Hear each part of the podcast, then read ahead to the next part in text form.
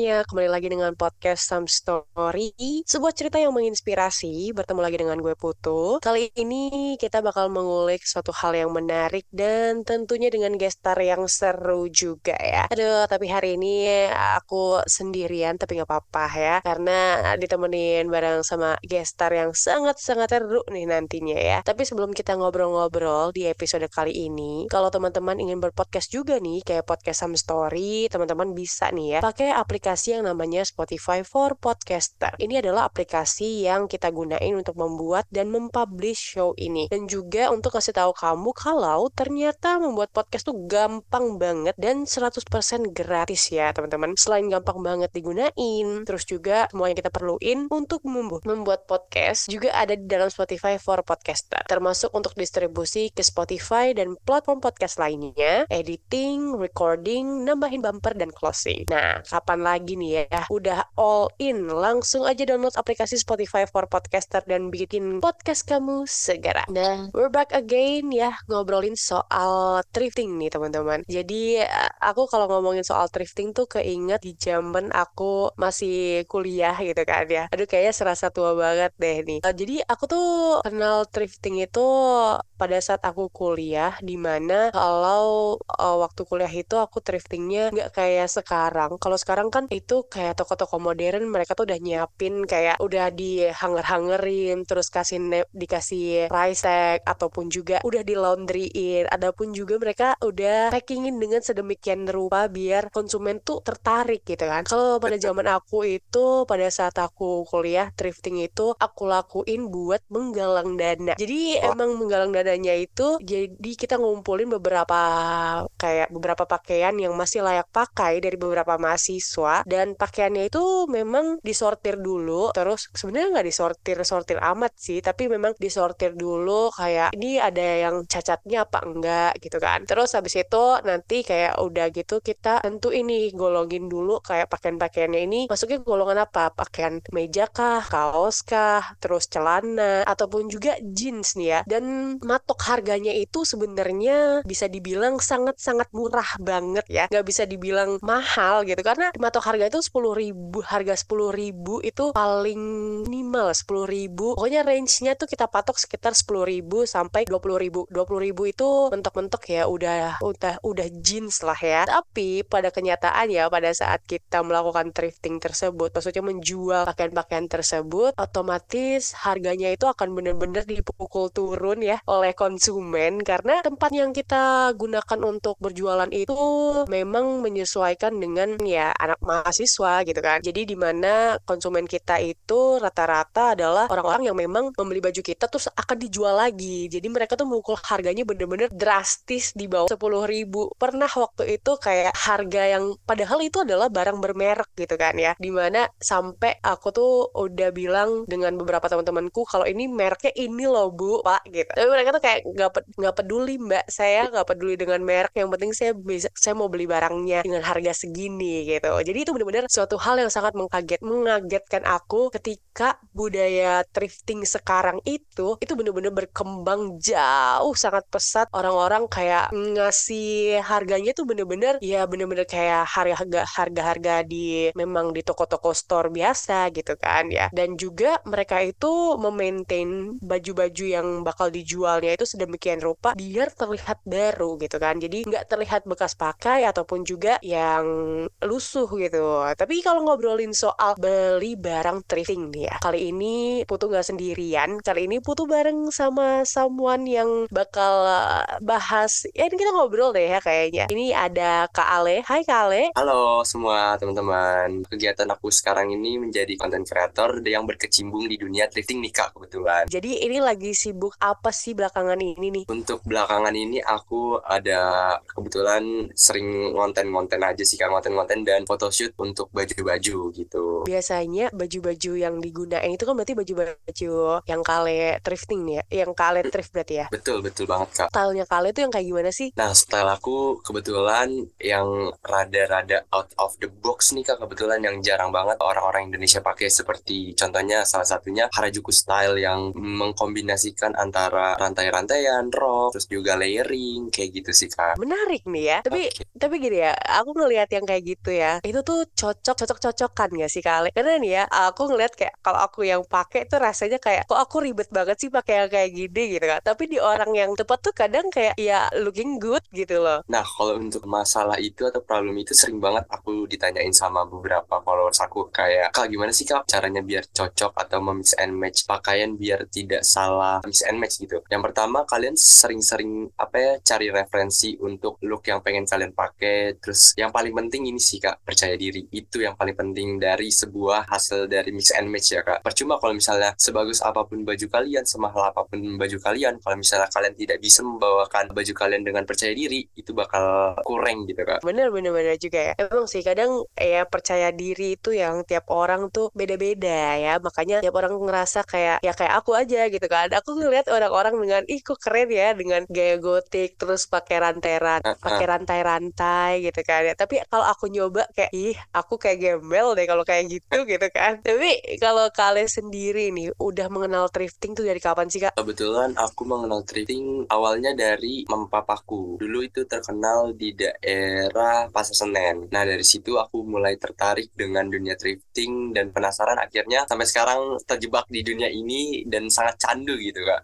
Seperti itu. Eh, itu berarti dari tahun berapa tuh kalau di, udah dikenalin dari papa sama mama? Dari kecil berarti ya? Kecil ya dari ya sekitar SD atau SD meranjak SMP lah kak. Berarti itu udah sering dong ya diajak buat ke pasar Senen gitu kan ya milih-milih. Berarti ada nggak sih tempat-tempat selain pasar Senen yang jadi favoritnya Kak Ale untuk ngetrip? Untuk saat ini aku lagi suka banget ke pasar kebayoran lama. Itu bener-bener semua barang antik barang-barang vintage retro semua di situ ada banget kak. Hmm oh iya menarik deh ya. Tapi aku tuh rada takut gitu kak Ale kalau ngetrip sendirian ya. Karena biasanya kalau ngetrip itu kan kita harus nawar gitu kan oh. harus nawar terus juga kita harus tahu nih barang ini uh, bagus apa enggak maksudnya bagus tuh dalam artian cacat apa enggak gitu kan. Nah itu ada nggak sih dari kak Ale sendiri gitu ya? Cara-cara nawar harganya terus cara tahu kalau misalkan ini tuh bajunya tuh one of one of the one of a kind gitu. Jadi kayak ini nggak bakal ada orang yang punya. Ada nggak sih dari kalian sendiri tuh tips-tipsnya? nah kebetulan aku tuh kalau misalnya thrifting tuh cari barang-barang yang bukan basic stuff gitu kak. Bukan kayak hoodie jaket itu kan basic banget semua orang pasti cari itu gitu. Kalau misalnya ke tempat thrifting nah bedanya aku kalau misalnya ke tempat thrifting tuh cari-cari barang-barang kayak contohnya mungkin kemeja yang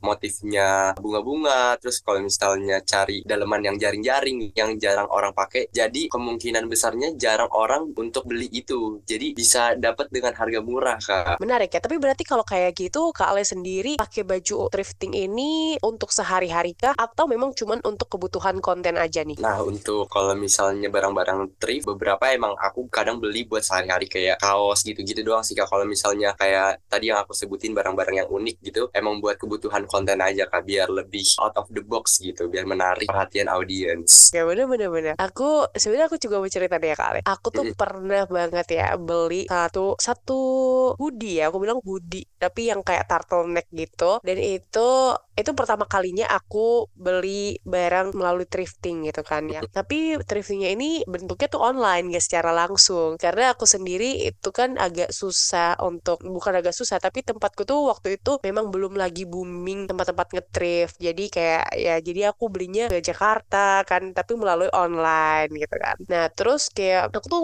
awalnya maju mundur karena pengen banget nyoba gitu kan. Pengen banget nyoba dan pengen tahu gitu kan kalau hasil barang ngetrif tuh kayak gimana sih? Bagus apa sih? Karena biasanya tuh ada nih keterangannya kayak berapa persen cacatnya atau berapa persen itunya kan. Nah terus kayak kalau misalkan ya pergi ke tempat yang memang kita langsung gitu kan itu kalian sendiri ngerasa kayak susah nggak sih ngebedain kayak ini barang bagus ini barang enggak gitu? Nah kalau misalnya cara ngebedain ini barang bagus atau enggaknya karena kita datang langsung ya kak jadi bisa langsung lihat gitu ini barang ada cacatnya nggak bisa. Jadi emang uh, salah satu tipsnya juga tuh kalau misalnya thrifting langsung ke tempat atau ke on the spot kita harus bener-bener sabar kak. Aku pernah nge-thrift tuh sampai 8 jam cuma dapat dua baju. Karena emang harus sepiki itu kak buat ngeliat-ngeliatnya bagus gak terus ini brandnya bagus gak terus juga ini harganya murah gak emang bener-bener sesabar itu kak. Tapi kalau kayak gitu pedagangnya ini nggak? Protes gak kalau kita selama itu tuh belinya? Kebetulan kan kalau misalnya tempat thrift kan luas ya kak. Jadi kita pindah-pindah misal di toko ini nggak kurang-kurang gitu barang-barangnya. Kita pindah ke toko yang lah satu sambil dilihat-lihat. Sejauh ini nggak ada yang protes sih kak untuk pedagangnya kita. Asalkan kita lihat-lihatnya nggak diacak-acak atau nggak dirusak kayak gitu. Menarik ya. Tapi kalau kayak gitu juga nih ya, aku penasaran. Itu bisa kita coba juga berarti ya kalau baju thrift kayak gitu. Bahkan kadang pedagangnya sendiri yang suruh, ya udah cobain aja dulu. Kalau misalnya cocok bawa, kalau nggak cocok nggak apa-apa taruh lagi kayak gitu. Kak. Oh gitu. Tapi ada gak sih yang menarik? Ini kan kalau misalkan kita beli baju gitu kan, baju di toko, baju baru nih ya di toko, toko baju gitu kan. Misalkan masih ada masih ada struknya. Kalau misalkan bajunya sampai rumah itu nggak muat atau apa, bisa di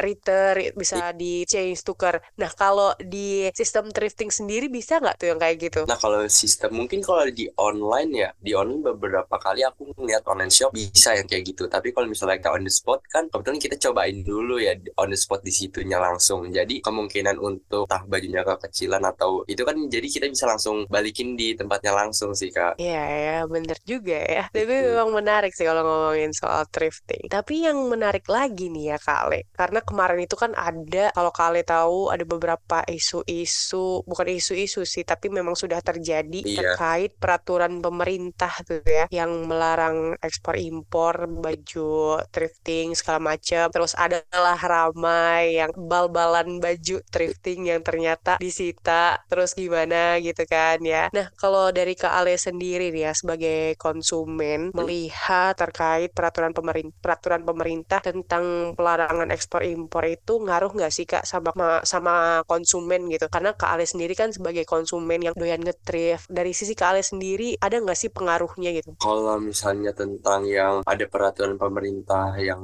barang-barang atau bal-balan disita-sitain ya kak, kebetulan aku nggak sempet rasain dampak negatifnya mungkin karena aku konsumen ya. Mungkin ke yang pedagang-pedagangnya kali ya ada dampak-dampak kayak misal jadi susah buat dapetin barang-barang murah-murah lagi kayak gitu. Sebenarnya bagus sih kak ada peraturan dari pemerintah seperti itu karena yang aku tahu ya beberapa barang-barang thrift tuh ada yang melalui nggak lewat melewat melalui bea cukai gitu kak. Jadi black market gitu kak kayak gitu. Tapi kalau kayak gitu, kalian takut nggak sih sebagai konsumen beli baju atau pakaian thrifting gitu? Karena kan ada peraturan pemerintah seperti itu. Terus kayak ada nggak sih pembatasan dari kalian kayak, oke untuk mendukung pemerintah kita belinya nggak usah banyak-banyak atau gimana gitu? Kalau misalnya aku pribadi, ya itu bisa juga salah satu jadi kita bisa membatasi untuk tidak terlalu berlebihan belanja baju thrifting kayak secukupnya aja lah kak. Dan sekaligus kita juga ngebantu atau ngebeli produk-produk lokal yang baru-baru gitu, baru-baru bertumbuh. Jangan, nah buat teman-teman yang suka nge-thrift juga nih, jangan terlalu fokus banget kita beli-beli barang thrift gitu. Ada baiknya, mending kita support brand-brand lokal atau UMKM-UMKM Indonesia yang baru bertumbuh di uh, dunia fashion, Kak. Benar-benar juga ya. Tapi ada fakta menarik juga nih ya, ternyata Kale. Kemarin itu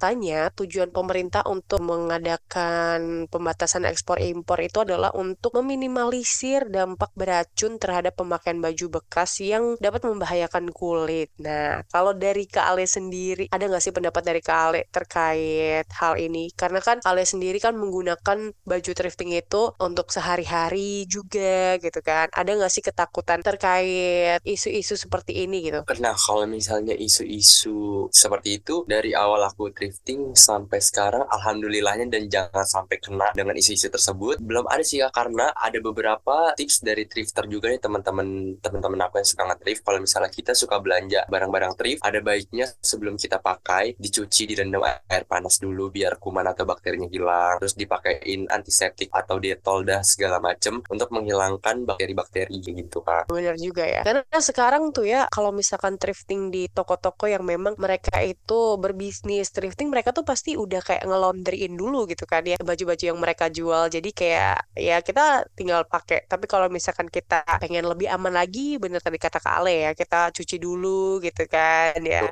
Dia juga menyesuaikan juga sih ya dengan itu apa namanya dengan aturan baju. Karena beberapa baju biasanya beberapa baju atau pakaian biasanya kalau dicuci dengan apa gitu mungkin mereka bisa agak pudar warnanya betul agak rusak. Nah, tapi kalau dari Kak Ale sendiri ada nggak sih Kak tips pada merawat baju, merawat pakaian yang Kak Ale thrift. Kalau aku pribadi tips untuk merawat ya seperti baju-baju kita pada umumnya aja sih kak. Yang penting kita cucinya jangan pakai bleaching sih itu bisa ngerusak baju kan. Paling kayak ya cuci pakai di mesin cuci itu udah cukup sih lebih dari cukup sih kak. Iya, karena kan dari yang tadi Kak Ale bilang nggak cuman baju kemeja, nggak cuman tadi kan kayak ada daleman jaring-jaring, nah yang kayak gitu, itu kan yang maksudnya kayak di di pikiran orang-orang tuh gimana sih cuci yang kayak gini gitu kan ya. Kan kalau masuk mesin cuci juga bingung kalau cuci pakai tangan harus gimana gitu kan. Paling kalau yang kayak barang-barang kayak gitu paling aku cuci pakai tangan sih kayak aku rendem aja. Kalau misalnya yang berbahannya tipis gitu. Kan kalau misalnya di mesin cuci kan agak takut dia kepentok sama putar-putarannya gitu ya. Ya, betul betul betul. Iya, karena beberapa orang tuh ngerasa kayak baju-baju seperti itu tuh kayak selain dicuci, mereka tuh kayak harus setrika juga. Padahal mah nggak usah harus setrika juga gitu kan ya. Dan itu juga bisa ngerusak gitu. Tapi ada nggak sih kak pengalaman yang mungkin ini pengalaman menarik dulu deh. Pengalaman menarik selama Kak Ale ngetrif deh. Pengalaman menarik. Oh, pernah. Ini salah satu mungkin jackpot terbesar aku kali ya. Jadi waktu itu aku lagi iseng-iseng thrifting. Jadi di Pasar Senen tuh ada thrift malam gitu kak. Dia buka dari jam 9 malam sampai jam 3 subuhan gitu. Jam 3 sampai jam 4-an subuhan gitu lah. Terus aku datang ke situ dan emang gak ada niat awalnya buat thrifting karena emang iseng doang, bete di rumah. Terus akhirnya aku ke sana sama temanku dengan bawa uang cuma 50 ribu. Karena emang kita juga sekalian challenge diri kita nih 50 ribu dapat apa aja. Terus jalan lah di sana. Terus pas lihat-lihat, wah ada tukang gesper nih yang di mana aku juga suka koleksi gesper-gesper unik gitu kan. Terus aku cari-cari, aku cari-cari di pelan-pelan. Terus langsung ketemu, wah gesper Gucci. Kayak langsung, terus aku pegang dong kalau misalnya, jadi aku ya tahu lah gitu misalnya itu barang fake atau ori gitu. Terus aku pegang. Karena mungkin aku udah beberapa kali sebelumnya aku belum punya barang-barang luxury brand gitu sih kak. Tapi teman-temanku punya. Aku pegang kan bahan yang ori sama yang fake tuh gimana. Dan aku pegang wah ini ori. Langsung ngambil dengan harga berapa kak? Coba tebak. Lima belas ribu? Iya betul banget. Gesper wow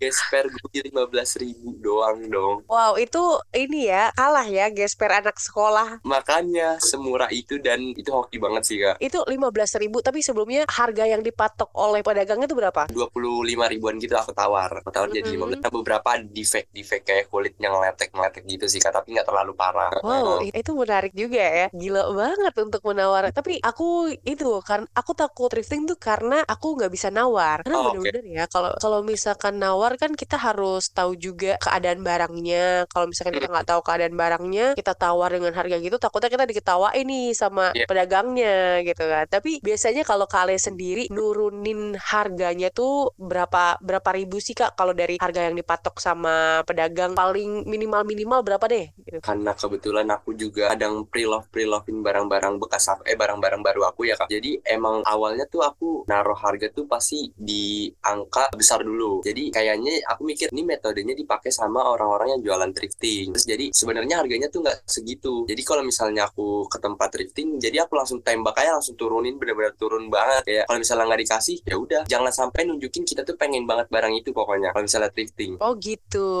Jadi Hmm. ya udah kalau misalkan barang yang nggak dapat segitu ya udah kita tinggal gitu ya berarti. ntar juga dipanggil lagi kok Oh gitu. Tapi takutnya nggak dipanggil lagi sih. Gimana Apa? ya?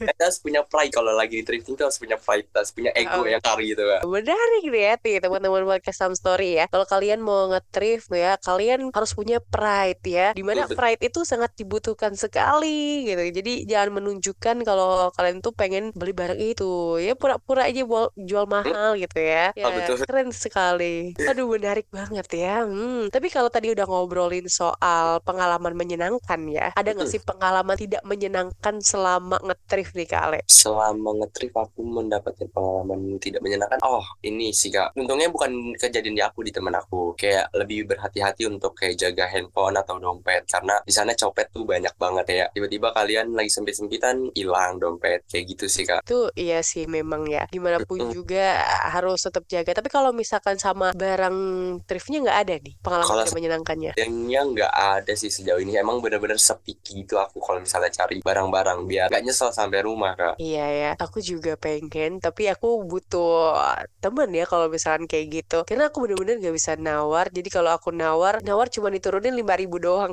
Aduh, Jadi per turun lagi. Iya ya benar ya. Jadi harus ngelihat barangnya juga, terus harus diturunin lagi. Itu kadang aku rada pressure gitu. Ah jadi nggak usah lah, nggak jadi deh belanja kata aku gitu. Kalau aku ya. Tapi kalau Iya. teman-teman podcast Sam Story mau gitu ya kayak Kak Ale bisa nge-thrift tuh mungkin tadi eh, tips-tips dari Kak Ale juga bisa diterapin gitu kan. Tapi ada nggak sih Kak? Maksudnya kalau dibilang kalau bosen gitu, ada nggak sih Kak bosen nge-thrift gitu? Ah bosen nge-thrift. Kalau misalkan bosen nge-thrift, kira-kira baju-baju hasil thriftannya tuh bosen juga gitu nggak? Kadang beberapa barang ya emang kebetulan kayak kamar aku tuh penuhnya sama barang-barang hasil thriftku ya. Kayak udah overload dan nggak tahu mau dikemanain gitu. Kadang beberapa Mhm. aku pre jika aku jual lagi dengan harga yang aku naikin dikit gitu dari dari harga yang aku beli kayak gitu sih kak. Tapi itu udah fixed price berarti ya? Heeh, betul, gak bisa dinego lagi. Ya udah deh nanti linknya aja ya.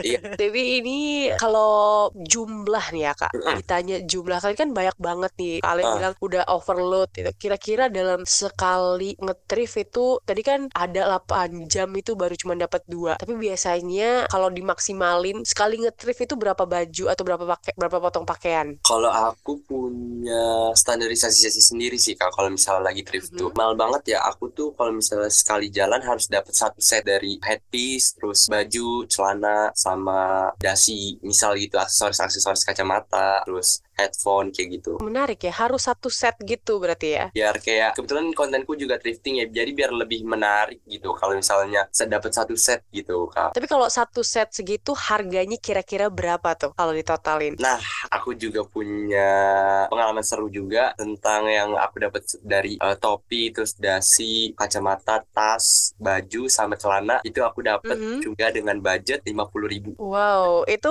harganya berapa aja tuh? Berapa aja boleh di-spill nggak itu berapa aja tuh? Nah, harganya waktu itu aku dapet topi kayak beard hat gitu. Dan kebetulan warnanya satu set tuh semua coklat. Aku emang bener-bener nyarinya semuanya dari atas sampai bawah coklat kan, Kak. Waktu itu topi harganya 20.000 ribu, aku tawar jadi 10.000 ribu. Terus baju kemeja 15.000 ribu. Terus celana 5.000 ribu. Terus tas 10.000 ribu sama dasi 15.000 ribu. Ya kurang lebih Wow. 50 55 ribu lah, Kak. Ya ampun, enak banget ya kalau kayak gitu ya. Heeh, bener. Tapi semahal-mahalnya Kak Ale dalam nge-thrift itu pernah nyampe berapa ribu nih? Aku paling mahal di thrift tuh jaket sih waktu itu 300 ribu New Balance dapat. Itu bentuknya bentuknya hoodie kah atau gimana tuh? Dia jaket musim dingin gitu kayak yang gelembung-gelembung cover cover jacket. Oh, oke oke, pantas ya, agak pricey gitu kan. Dan kalau jadi kan udah ngobrolin soal tempat juga gitu kan ya. Tri tempat nge-thrift dari Kak Ale sendiri di mana aja sih yang mungkin bisa direkomen untuk teman-teman yang baru jadi thrifter pemula gitu. Mm-mm.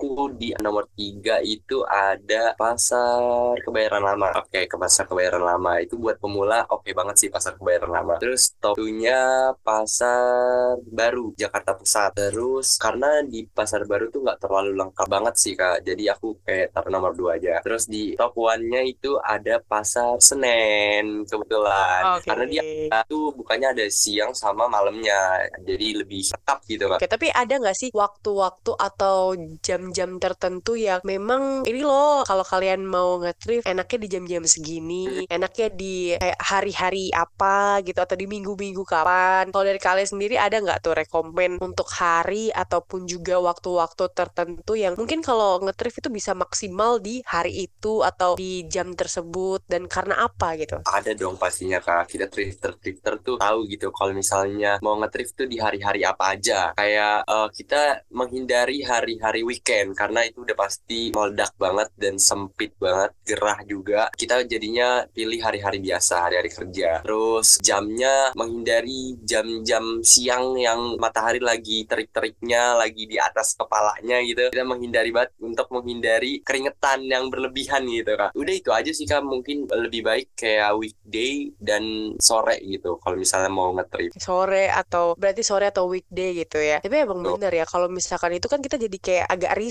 ya untuk nyoba baju. Heeh, udah bete duluan kalau misalnya crowded banget gitu. Tapi ada nggak sih kayak ini kan kalau baju biasanya kan kita tahu nih kita udah pernah nih minggu ini misalkan kita belanja nih ke ibaratnya kayak ke pasar Senen. Kita udah nih ke toko ini di minggu ini ke toko ini toko toko A B C misalkan. Nah ada nggak sih kak kayak tips biar kita kalau ke sana lagi tuh barang udah diperbaharui gitu. Biasanya kan kalau barang-barang thrift kan masih ada nih barang-barang lamanya yang belum kejual. Nah kalau biar tahu atau tipsnya kayak datangnya kapan biar ada barang baru itu gimana tuh? Biasanya aku kasih jeda sih kak, kayak seminggu atau dua minggu balik lagi ke toko itu. Karena biar istilahnya biar seminggu dua minggu kan pasti itu barang keputer gitu kak, kayak habis dibeli konsumen. Jadi aku datang lagi dua minggu, eh seminggu atau dua minggu kemudian lah kak, biar Oke, barang-barangnya berarti, berarti sekitar kayak kasih waktu tuh dua mingguan gitu ya. Iya dua minggu lah. Mhm. Tapi ini mungkin kalau dari Ale sendiri kira-kira ini ada nggak sih yang mungkin ingin disampaikan ya sama teman-teman yang mungkin baru mau jadi thrifter gitu? Pesannya kalau misalnya kalian mau jadi thrifter tuh karena banyak sih pelajaran yang bisa aku dapat juga gitu dari nge-thrift kayak kita bisa jadi lebih belajar sabar, terus teliti, terus juga apa ya, lebih kayak bisa menantang diri untuk kayak coba nih budget segini bisa dapat apa? Bisa kan jadinya kayak bisa menghemat gitu kan nggak asal barber-barber dan kita jadi bisa orang jadi orang yang kayak eh, nggak terlalu banget pengen barang itu. Jadi kan kita bisa belajar kalau misalnya kita terlalu nunjukin pengen banget barang itu kan dimahalin gitu. Bener juga ya bener-bener. Dan mungkin ini terakhir kali ya Kak Ale terkait harapan apa sih Kak untuk budaya thrifting ini ke depannya yang Kak Ale harapkan sebagai konsumen nih? budaya yang diharapkan kepada pedagang-pedagangnya kali ya. Kayak jangan terlalu taruh harga tuh yang not make sense gitu. Yang kayak bahkan menyaingi harga barunya gitu. Kita kan juga konsumen kan tahu gitu kan ya kak. Kayak mau beli juga mikir-mikir gitu. Kalau misalnya harganya aja sama-sama kayak baru gitu. Mungkin kayak itu sih kak. Jangan terlalu ambil untung yang terlalu berlebihan gitu untuk para pedagang-pedagang thrifting. Kayak ya ambil untung tipis-tipis aja. Asal banyak yang beli kan lumayan juga kelihatan gitu ya kak. Kayak gitu. Iya sih. Berarti ini lebih harapannya ke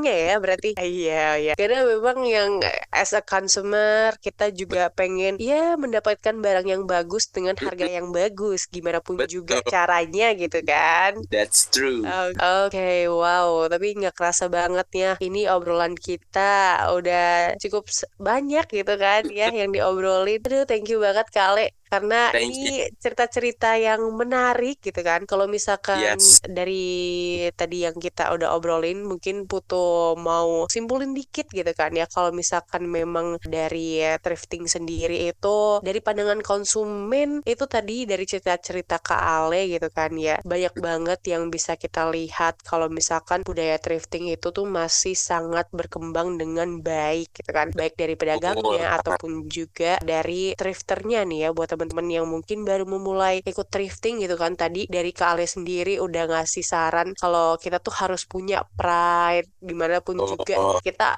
kalau misalkan pengen sebuah barang tuh jangan ditunjukin. Tapi memang Benar. usaha itu usaha sih gimana pun Hmm. caranya kita biar dapetin barang tersebut ya kita harus berakting sedemikian rupa gitu kan. Dan juga menariknya adalah ada pesan dari Kak Ali untuk para penjual gitu kan ya. Iya. Mungkin buat teman-teman yang pemula gitu baru mau mulai thrifting jangan kaget karena Kak Ali sendiri tadi udah kayak menjabarkan kalau misalkan sekarang itu thrifting ini harganya itu cukup melonjak tinggi karena para pedagang itu ngasih harga yang sama dengan harga aslinya gitu kan. Ya, namanya juga thrifting gitu kan. Ya mungkin harganya harus mungkin di bawah harga aslinya gitu kan. Mungkin harapan dari Kak Ale bisa didengar gitu kan oleh para pebisnis yang bergerak di dunia thrifting ya Kak Ale. betul banget kak Iya, itu dia. Dan seru abis deh ya obrolan kita kali ini. Dan thank you banget buat Kak Ale udah jadi guest star hari ini di Some Story. Semoga cerita dan pengalaman dari Kak Ale nih sama saran-saran yang udah Kak Ale berikan bakal bermanfaat juga dan menghibur para pendengar setia kita. Nah, mungkin dari Kak Ale nih mau ada promosi Instagram nggak nih ya? Barangkali teman-teman mau tahu gitu kan ya stylenya Kak Ale seperti apa. Terus juga ada yang mau nanya, Kak Ale nge-thrift di mana gitu kan? Baju ini, baju itu. dan aku sering banget kayak jawab-jawabin DM request dari followers ini kayak tips-tips dan uh, pertanyaan-pertanyaan seputar thrift aku bakal jawab langsung lewat DM aku dan tips-tips lainnya lewat konten aku kalian buat kalian yang pengen tahu langsung aja follow Instagram aku ale titik underscore mp3 Itu dia ya teman-teman, barangkali ini ya. Atau mungkin mau nge-thrift bareng Kak Ale juga bisa ya Kak Ale. boleh banget boleh banget kak Nah, kalau ada teman-teman yang ingin bekerja sama atau ada ide untuk konten podcast Some Story selanjutnya, kalian bisa hit us up on Instagram at podcast underscore Some Story dan juga bisa melalui email kita di @podcastsamstory@gmail.com. Terima kasih buat teman-teman yang sudah mendengarkan podcast Some Story episode sama Kale and see you on the next episode. Bye-bye. Bye. Bye.